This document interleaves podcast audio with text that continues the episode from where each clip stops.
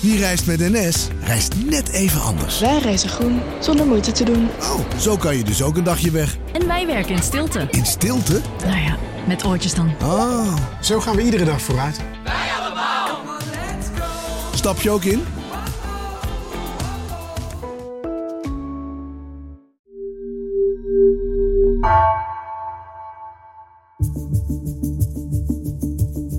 Vanaf de redactie van NRC het verhaal van vandaag. Mijn naam is Thomas Ruip.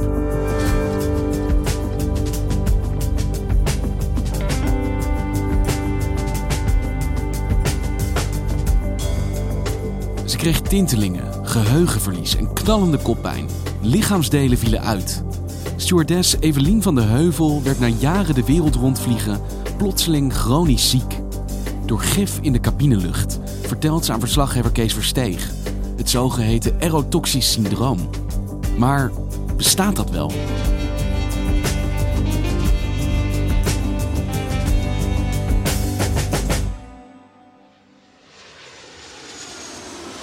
Evelien van der Heuvel die begon in 2008, dus inmiddels 13 jaar geleden, aan haar droombaan als stewardess bij KLM. Ik vond het fantastisch. Ik vond het goud. Ik vond het gewoon super gezellig werk om te doen. Lekker met iedereen een babbeltje en uh, onder collega's. En vervolgens uh, na een werkdag zit je in uh, Bangkok of je zit in Johannesburg. Dus ik vond het echt een waanzinnige baan. Nou, Evelien lunchte aan de voet van de Niagara Falls. Uh, ze zat achter de beesten aan in Zambia. Het was echt wat je noemt de wereld van Peter Stuyvesant, zoals het vroeger werd genoemd. En uh, tegenwoordig de wereld van Sea by Fly. Je weet het wel. Overal zon, wuivende stranden, mooie mensen enzovoort. Dit is wat ze heel graag uh, wilde doen. Ze, vond het leuk om te reizen. Ze kon goed met mensen omgaan enzovoort. Dus helemaal haar topjob. En op een gegeven moment, dat was ja, ergens in april 2011, toen merkte ze de eerste haperingen aan haar lichaam.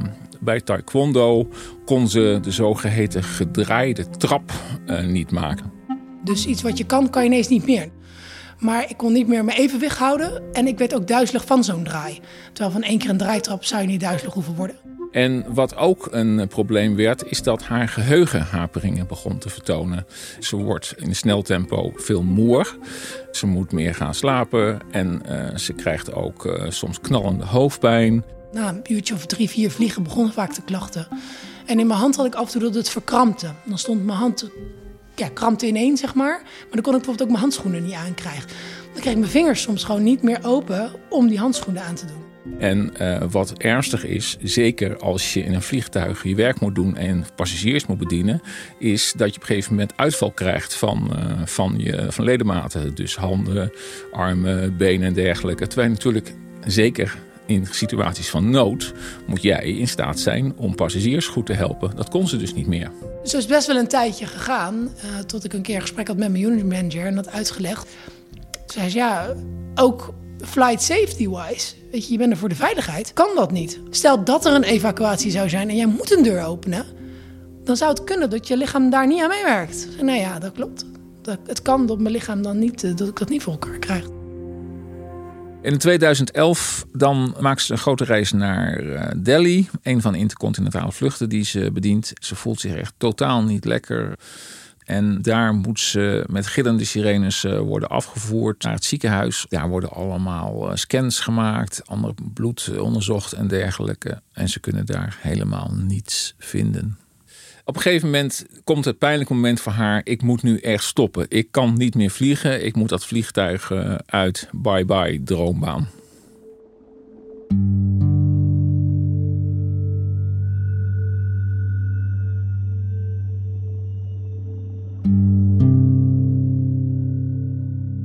En zij krijgt dus eigenlijk een hele barrage aan klachten. Allemaal dingen die ze eerder niet had, waar ze geen last van had. Waar komt dat dan door?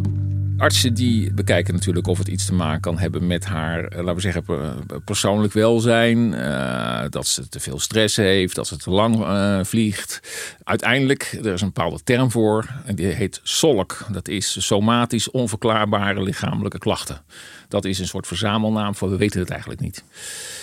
Dus ja, zij is daar natuurlijk zelf niet tevreden mee, want ze heeft die, die klachten en ze gaat dan uh, verder zoeken. En dan duikt ineens die term, die wat mysterieuze term, erotoxisch syndroom op.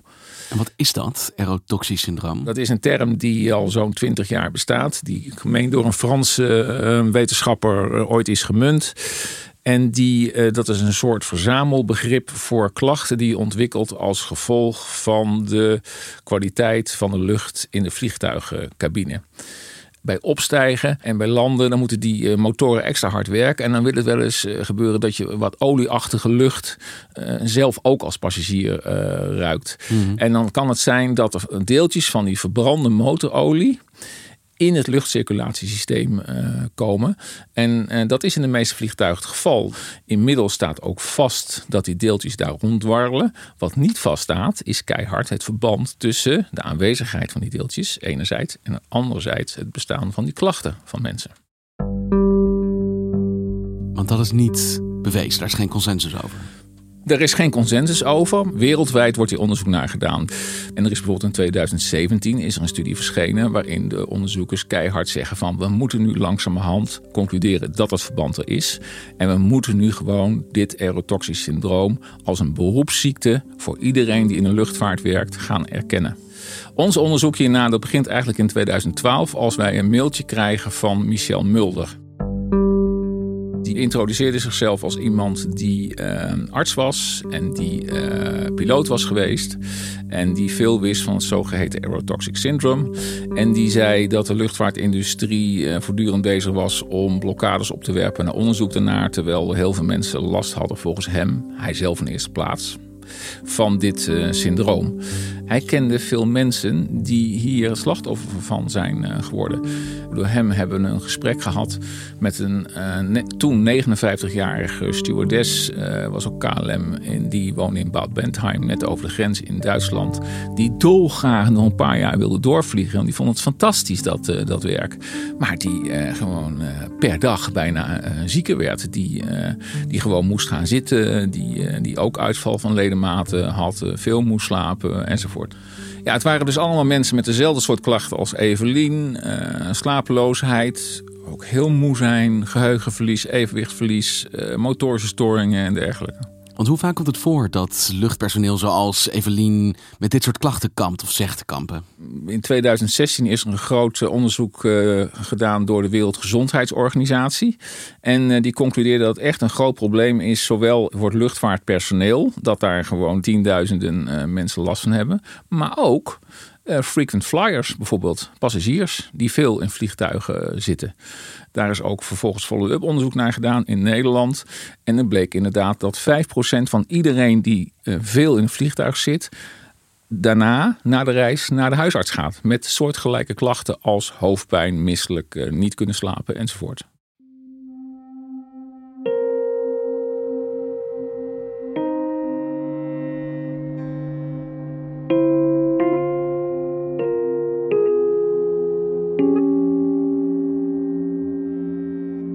Ging dat verder met Evelien? Zij moest op een gegeven moment zeggen: Dit wordt zo erg, ik kan niet blijven vliegen. Wat gaat ze dan wel doen? Wat er gebeurt is, zij krijgt een baan aan de grond. Zij krijgt administratief werk op Schiphol. Toen heb ik ook aangegeven van ik wil vooral werk wat me zo min mogelijk energie kost. Ook qua concentratie, want concentreren kost me heel veel energie nog steeds. Laat me desnoods uh, schroefjes op maat leggen of M&M's op kleur sorteren. Maakt me niet uit, ik wil weer wat gaan doen. Maar iets wat te simpel is voor woorden, maar dat ik wel wat te doen heb. En uiteindelijk is dat uh, personeelsdossiers ordenen geworden. En betekent stop met vliegen ook voor haar een einde aan die klachten waar ze aan leed? Ja en nee. De klachten worden een stuk minder in ieder geval. Ze knapt er echt van op, van dat uh, werk. Maar er bleef wel een soort chronisch residu achter, zou je kunnen zeggen. Nou ja, dan krijg je op een gegeven moment de vraag van... oké, moet dit structureel haar werk uh, worden? En omdat zij enigszins hersteld was en het vrij subjectieve klachten zijn... wordt op een gegeven moment gezegd van... ja, jij bent volledig arbeidsgeschikt. Het UWV heeft haar in 2016 gekeurd en uh, gezegd: Evelien van Heuvel, u bent volledig arbeidsgeschikt. Want UWV en dus ook KLM zeggen: jij bent fit, dus je moet gewoon weer fulltime gaan werken. Dus ook weer in de lucht. Wat Evelien er in ieder geval over zegt, dat uh, zij gedwongen werd om weer fulltime te gaan werken, ook in de lucht.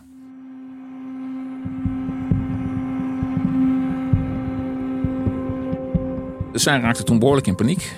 Uh, want uh, zij zei van ja, luister eens, uh, dit is administratief werk wat ik doe. het was part-time. ik geloof in mijn hoofd iets van 21 uur. Maar ik moet daar alle zeilen voorbij zetten om dat werk goed te kunnen doen. Het feit dat je het doet betekent niet dat je het kan. Als ik geluk had, kon ik in één keer doorrijden. Als ik pech had, was ik te moe en moest ik, al was het een kwartiertje van huis, toch nog stoppen om even te slapen. Omdat ik het soms gewoon niet redde om naar huis te rijden. En als ik het wel redde, dan knalde ik thuis, haalde ik mijn bed niet eens, plofte ik gewoon zo bof voor over de bank op. Lag ik drie uur lang knock-out. Het rijden alleen maar eten, sporten, slapen, werken. Gewoon je leven niet vol te houden. Dus uh, zij kon daar ook niet aan, uh, aan voldoen. Dus wat doet ze dan? Ze weigert, ze weigert om weer de lucht in te, te gaan en uh, volledig te gaan werken. Want ze zegt dat, uh, dat, dat trek ik niet, dat trekt mijn lichaam uh, niet. Nou, dan is het dus voor een werkgever heel simpel. Dit is het geval van werkweigering. En op werkweigering volgt ontslag op staande voet. Dat was in 2016. Ze wordt ontslagen? Ze wordt ontslagen.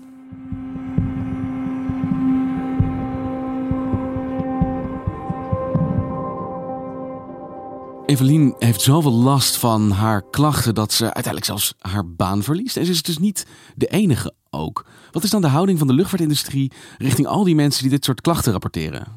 Dat wordt op dit moment nog steeds niet erkend. Wat je wel ziet gebeuren is dat de houding van de luchtvaartindustrie in dit dossier zich wijzigt. Dat er verschuivingen plaatsvinden. Ik herinner me een gesprek wat ik met mijn collega Sander Voormolen had in 2013. Toen gingen we naar Schiphol en gingen we met mensen van KLM praten. En die zenden voor ons één boodschap uit, namelijk er is geen probleem. Waar heb je het eigenlijk over? Bestaat niet. Bestaat niet. En datzelfde wat mensen in die tijd ook horen die zich melden met klachten. Stewardessen, piloten en dergelijke. KLM weet hier al decennia van. En die waarschuwt niet. En nu uh, was hun hand in onschuld. Ze weten het allemaal niet en er is niemand met klachten. Je bent de enige. En ze proberen ook heel erg een kant op te duwen. Uh, van, gewoon in het algemeen ook. Misschien past vliegen niet bij. Uh, de jetlags, de tijdsverschillen. Misschien is dat het. Het bestaat niet. Wat er inmiddels veranderd is, dat er um, een soort intern protocol is, uh, begrijp ik, bij KLM en andere luchtvaartmaatschappijen. dat uh, mensen met dit type klachten, dus evenwichtstoornissen, motorstoornissen en dergelijke, zich uh, kunnen melden en dan dus doorverwezen worden naar deskundigen die meer hierover weten. En dat is sowieso al vooruitgang. Maar er heeft ook iets tegenstrijdigs, want er wordt dus wel actie ondernomen, protocollen opgesteld, er wordt over gesproken. Maar eigenlijk wordt nog steeds niet erkend dat het ook echt bestaat. Nee, want als je dat zou doen, dan heb je als luchtvaartindustrie meteen een groot probleem. Dan kan het zijn dat zich heel veel mensen gaan melden. Uh, dus de stewardessen, piloten met schadevergoedingsprocedures. Uh, het kan zijn dat een frequent flyers zich gaan melden. Dan is de boot aan voor de luchtvaartindustrie. Want mensen die onwel worden in de lucht, kan dat niet ook tot gevaarlijke situaties leiden? Dat kan zeker. Uh, dit was bijvoorbeeld een toestel van German Wings die bijna neerstortte boven Keulen. Omdat de piloten uh, bijna bewusteloos waren. En die moesten dus met zuurstofmaskers uh, worden geholpen en dergelijke. Dat is net goed gekomen. Vijf jaar later boven Boston in 2015. Waar precies hetzelfde gebeurt. waar die piloten vervolgens een week lang, als ik de LA Times mag geloven, kotsend op bed hebben gelegen. Dat soort dingen die komen mondjesmaat naar buiten. En mensen zoals zoals Evelien, die helpen om het dossier van het erotox-syndroom verder op de maatschappelijke en politieke agenda te krijgen. Want wat doet zij na haar ontslag? Zij bindt de strijd aan, zij uh, neemt, neemt een advocaat in de arm en zij wil erkenning van de rechter dat zij maar beperkt arbeidsgeschikt is. Weliswaar zei de rechtbank uh, over Evelien van, nou ja, inderdaad, wij erkennen van, hé, hey, je kunt toch bepaalde dingen niet meer doen, maar dat was een te klein deel om een uitkering te kunnen krijgen. Dus ze laat het er niet bij zitten en ze gaat vervolgens naar de Centrale Raad van Beroep, die zich in zijn oordeel vooral baseert op wetenschappelijk onderzoek uh, van Gerard Hageman in Twente, die inmiddels een verklaard voorstander is van het erkennen van het erotoxisch syndroom als beroepsziekte. En die zegt van ja, er is echt een verband tussen dit soort klachten, zoals van Evelien, en de aanwezigheid van die giftige deeltjes uh, in die lucht. Dus waar de rechtbank twee jaar eerder nog zei van ja, u bent wel een beetje arbeidsongeschikt, maar niet genoeg om een uitkering te krijgen, zei de Centrale Raad van Beroep. Nee, u bent inderdaad echt arbeidsongeschikt en u heeft recht op die uitkering. En dat was echt een landmark in dit uh, zeer trage en complexe dossier. NRC schrijft over een ontslagen stewardess die een rechtszaak heeft gewonnen over giftige stoffen in de vliegtuigcabine. Ze zegt dat ze daardoor ziek is geworden. De rechter heeft haar gelijk gegeven en oordeelt dat ze recht heeft op een arbeidsongeschiktheidsuitkering. Het is voor het eerst dat dat gebeurt. Evelien krijgt gewoon gelijk. Ja, ja. Dit is de hoogste bestuursrechter die er is. Punt.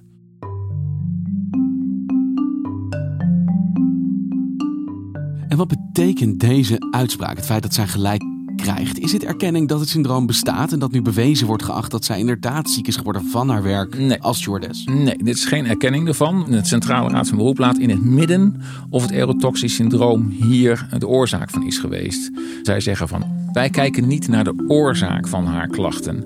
We moeten daar natuurlijk wel een, eh, het beestje moet wel een naam hebben. Weet je wat? Wij noemen dat een medisch substraat. Een soort van verzamelnaam voor de aanwezigheid van schadelijke chemische stoffen in de lucht die mogelijk effect hebben op de gezondheid van, eh, van mensen. Wat betekent deze uitspraak voor ja, de manier waarop gekeken wordt naar dit syndroom?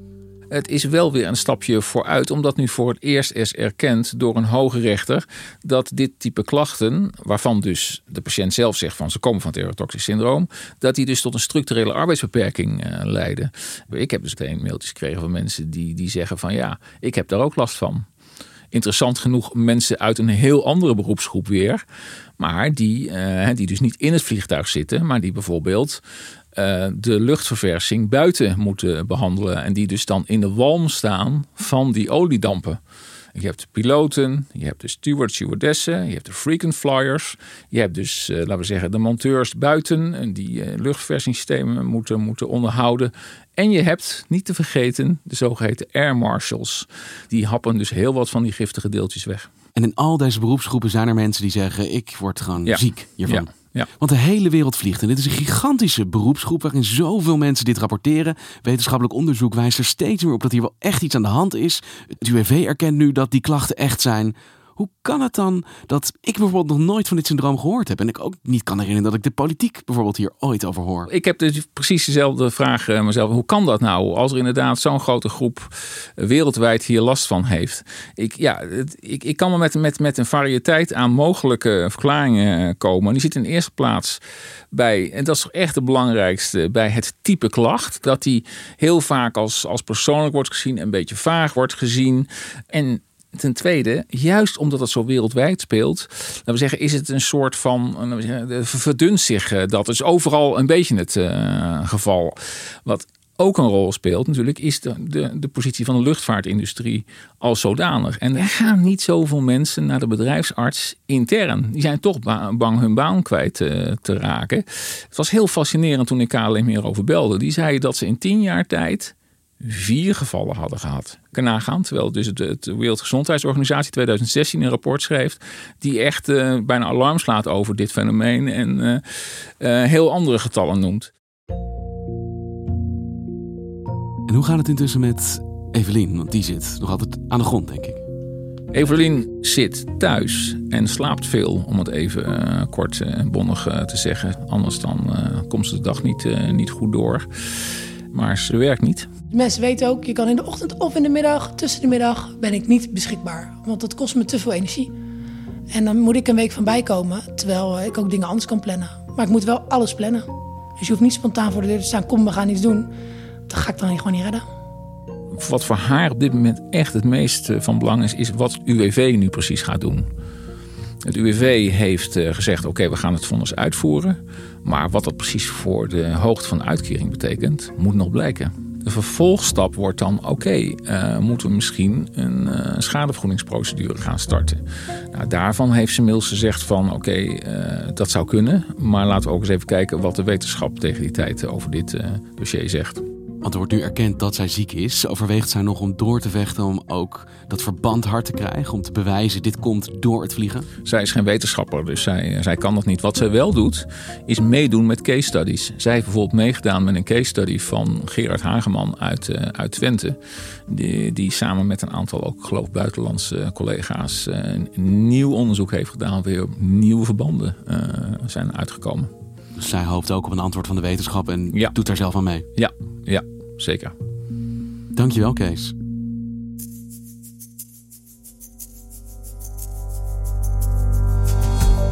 Je luisterde naar vandaag, een podcast van NRC. Eén verhaal, elke dag. Deze aflevering werd gemaakt door Esme Dirks, Wijken van Koolwijk en JP Geersing. Plaatsvervangend chef van de audioredactie is Ido Havinga. De muziek die je hoort is van Rufus van Baardwijk. Dit was vandaag, maandag weer.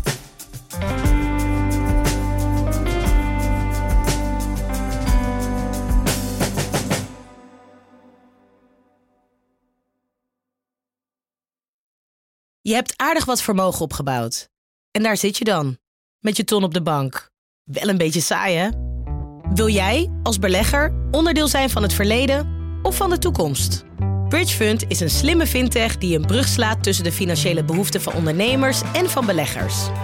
Dus wie belegt bij Bridgefund krijgt niet alleen een mooie vaste rente, maar brengt ook ondernemers in beweging. Echt waar, met die ton kan je zoveel betere dingen doen. Bridgefund. Make money smile.